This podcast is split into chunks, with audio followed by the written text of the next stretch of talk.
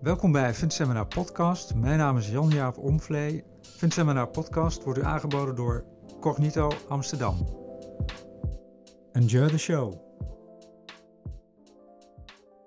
Welkom Ivo van der Pol, werkzaam bij PGIM. Fijn dat je er bent. Mag ik je allereerst vragen jezelf kort voor te stellen, Ivo? Dankjewel voor de uitnodiging allereerst. Uh, leuk om hier te zijn. Ik ben inderdaad werkzaam bij PGIM. Ik kom daar straks nog wel even op terug. Maar uh, verantwoordelijk voor de Benelux en Nordics. Uh, salesverantwoordelijk. Werk daar nu een kleine vier jaar. En heb alles bij elkaar iets meer dan 23 jaar historie in asset management sales. Voor verschillende partijen in binnen- en buitenland. En om even op PGIM terug te komen. Uh, PGIM staat voor Prudential Global Investment Management. We zijn onderdeel van de Amerikaanse levensverzekeraar Prudential. En PGIM is een naam die in Nederland nog relatief onbekend is. Dat is ook de reden waarom ik vier jaar geleden voor ze heb gekozen. Uh, bouwen aan een nieuw merk. En wij zijn een zogenaamde multi-affiliate structuur. Dat wil zeggen dat we een moedercompany hebben die toezicht houdt op vier zelfstandige vermogensbeheerders voor wat betreft ons usage aanbod. Dat zijn managers die zelfstandig zijn met betrekking tot hun beleggingsbeleid, met betrekking tot hun ESG-beleid, maar voor hun marketing, hun legal en compliance gebruik maken van de moedermaatschappij PGIM. En ik ben werkzaam binnen PGIM Investments en dus eerder genoemd verantwoordelijk voor de distributie van de fondsen. Ja, met uh, hoofdkantoor in Amsterdam. Klopt. Voor uh, Benelux en Nordics inderdaad in Amsterdam. Ik zei al, we zijn een Amerikaanse club, dus uh, het hoofdkantoor zit in Newark, New Jersey. En ik rapporteer zelf aan het, het team in, in Londen. Oké. Okay. Ivo, we beginnen altijd met een icebreaker. En de icebreaker van vandaag is ook nu wat is het meest opvallende dat je ooit hebt meegemaakt als uh, beleggingsprofessional? Vertel. Ja, ik gaf al even weg dat ik al enige tijd werkzaam ben in, uh, in de asset management industrie. Dus ik heb helaas, of misschien wel gelukkig, de, de grote financiële crisis van 2008 meegemaakt. Dat heeft zeker een louterend effect gehad op, op mijn nederigheid. Um, vanuit een salesperspectief echter vond ik het afschaffen in Nederland van de distributievergoeding in 2013 wel een hele interessante ontwikkeling. Leg uit. Tot die tijd was het gemeengoed voor ons in de industrie dat wij jullie uh, distributeurs zouden betalen. En daar had iedereen vrede mee. En toezichthouders uh, onder aanvoering van AFM vonden op een gegeven moment dat dat toch niet zo transparant was en besloten dat het niet meer mogelijk was om vergoeding te betalen. Maar daarmee kwam er een hele nieuwe dynamiek in de distributie en uh, advisering van fondsen op ons af. En moest je je toch wel een soort van herijken. En dat gaf toch wel een nieuwe dynamiek. En ja, inmiddels zijn we er allemaal aan gewend. Maar ik vond dat een, een heel leerzaam uh, moment. Mooi, dankjewel. Het onderwerp van vandaag is de strategieën voor CO2-oplossingen. Waarom de keuze voor dit onderwerp? Nou, niet helemaal vreemd. Wellicht omdat we daar een interessante strategie te bieden hebben, waar ik graag uh, over uitweid. Maar CO2 is letterlijk overal en we willen er graag vanaf. En we doen alles aan om richting 2050 uh, CO2-neutraal te, te worden met z'n allen. En om ons heen zien we vooral heel veel thematische strategieën ontstaan en worden aangeboden die inspelen op clean, op smart, op nieuw. Maar wij denken dat dat slechts een, een topje van de ijsberg is. Uh, ja, CO2 uit. is letterlijk overal. En in elke beslissing die wij nemen stoten we CO2 uit. Maar we willen met z'n allen die reductie zo groot mogelijk maken. En als we ons alleen maar beperken tot de nieuwe, innovatieve, kleinschalige ideeën, dan, dan missen we een belangrijk deel van de markt. En kunnen we simpelweg niet de hele wereld hetzelfde groeipad laten doormaken als wat wij hebben meegemaakt. En het is toch wel heel bot om te zeggen dat we bijvoorbeeld India en China niet gunnen om die groeicurve ook te maken die het Westen al veel langer geleden heeft gemaakt. Dus wat wij beogen met deze nieuwe strategie van Jennison, een van onze uh, multi-affiliates, mm -hmm. uh, onze aandelenmanager, is dat we een carbon solution strategie gaan aanbieden in fondsvorm. Of hebben gelanceerd recent. Waarbij we verder kijken dan alleen het clean en smart deel van de thematische ESG-belegging. Ja, dat is een actieve strategie. Allereerst is het actief. Ja, kun, kun je iets meer vertellen daarover? Ja, dus waar, wij, waar anderen stoppen, gaan wij verder, zou ik bijna willen zeggen. Wij hebben er bewust voor gekozen om ook de meer traditionele energienamen toch op te nemen in de portefeuille, mits en tenzij zij inderdaad laten zien dat ze op middellange en lange termijn in staat zijn om een enorme CO2-reductie te voorzien. En het goede is, aangezien ze zoveel CO2 uitstoten met hun traditionele energievormen, kool, maar zelfs gas en liquid gas, is de mogelijkheid om dat te reduceren navenant aanwezig. En is het tussen haakjes met een relatief kleine investering mogelijk om een veel groter effect te sorteren door die CO2-reductie aanmerkelijk sneller te laten gaan. Dus dat is wat we voorstaan. Het bijkomende effect is, of het nadelige effect is, dat we op enig moment weliswaar een, een hogere CO2-uitstoot kunnen hebben dan de benchmark. Maar dat is een momentopname. Maar om juist het bredere kijk te hebben, zien we eigenlijk dat het mogelijk moet zijn om sneller resultaten te boeken. En een beter resultaat te boeken. Want uiteindelijk beleg je wereldwijd in een hele keten van bedrijven die bijdragen aan die CO2-reductie. En zeg je daarmee ook dat jullie filosofie en aanpak afwijkt van uh, andere beleggers? Ja, in, in wezen wel, want waar, waar anderen, ik zei, ik zei het net gekscherend, uh, stoppen, gaan wij verder. Als je belegt in smart energy, weet je één ding zeker. Je belegt in, in relatief kleine, nou, noem het start-ups of, of initieel succesvolle bedrijven die inderdaad schoon zijn.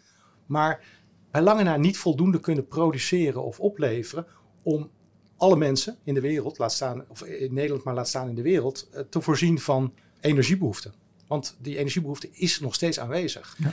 En wij kijken dus eigenlijk naar de hele keten en durven het aan om bedrijven te selecteren op basis van onze grondige analyse, hè, actief management, een, een, keuze te maken voor deze bedrijven. En dat doen we, en dat is een, een, een wat technisch begrip, maar voor degene die bekend zijn met CO2 beleggen, zogenaamde scope 1, 2 en 3 emissies. Nou, scope 1 en 2 uh, eh, kent iedereen. Dat is eigenlijk hetgeen wat je zelf daadwerkelijk kunt vervangen en reduceren. En scope 3 wil zeggen dat je uh, in de waardeketen die je aan het creëren bent ook meet wat je uiteindelijke winst is van de CO2-reductie. Mm -hmm. Ik zei al, wij gaan een stap verder en we nemen ook scope 4 in ogenschouw. Ja, leg uit. En dat is wat je vaak nog niet hebt gehoord. Scope 4 is eigenlijk, zoals ze dat eh, zeggen, iets is wat je verborgen CO2-emissies zijn. En dat wil zeggen, als je kijkt naar door een keuze te maken voor het een, weet je niet wat je wegdoet, maar kun je wel proberen te meten wat het effect zou zijn voor die keuze. En ik kan dat misschien het beste illustreren aan de hand van een voorbeeld. Ja. Als je bijvoorbeeld een elektrische auto neemt, laten we even uitgaan van, Tesla. Uh, dat is namelijk ook een aandeel in de portefeuille, dus dat praat makkelijk. Tesla produceert elektrische auto's, dat weten we allemaal. De keuze voor een bestuurder om een elektrische auto te gaan rijden, is allereerst een keuze om minder uitstoot te creëren. Dat is één.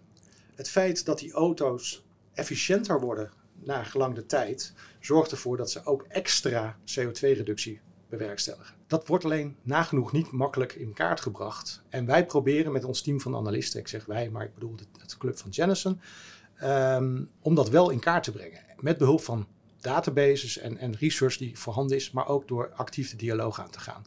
En ondanks dat het niet perfect is en zal zijn, durven we het aan om daar toch wel een beslissing op basis van te nemen.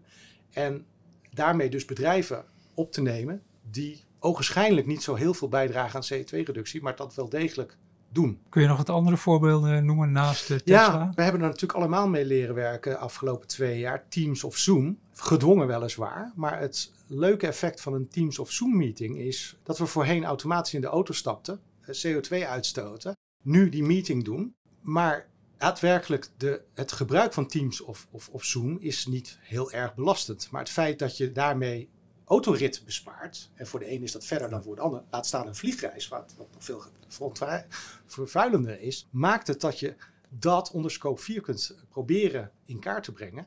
En dan geeft een belegging in Teams of Zoom, even los van alle andere voorwaarden waarom je er wel of niet in zou beleggen, een hele andere dynamiek. En dat is inderdaad wat je met Scope 4 probeert te bewerkstelligen. En dat valt allemaal onder de Carbon Solutions strategie. Ja, dus nogmaals, scope 1, 2, daar houdt iedereen rekening mee. Als je geluk hebt, kijkt men ook naar scope 3. Dus wat wordt er in de totale waardeketen bespaard? En wij gaan inderdaad op zoek naar die verborgen reductie. Mooi, helder verhaal. Andere vraag. Wat is jullie boodschap aan de bezoekers van Fund Seminar? Hè? Zijn de zelfstandige vermogensbeheerders, vermogensplanners, ja. kleine private banks?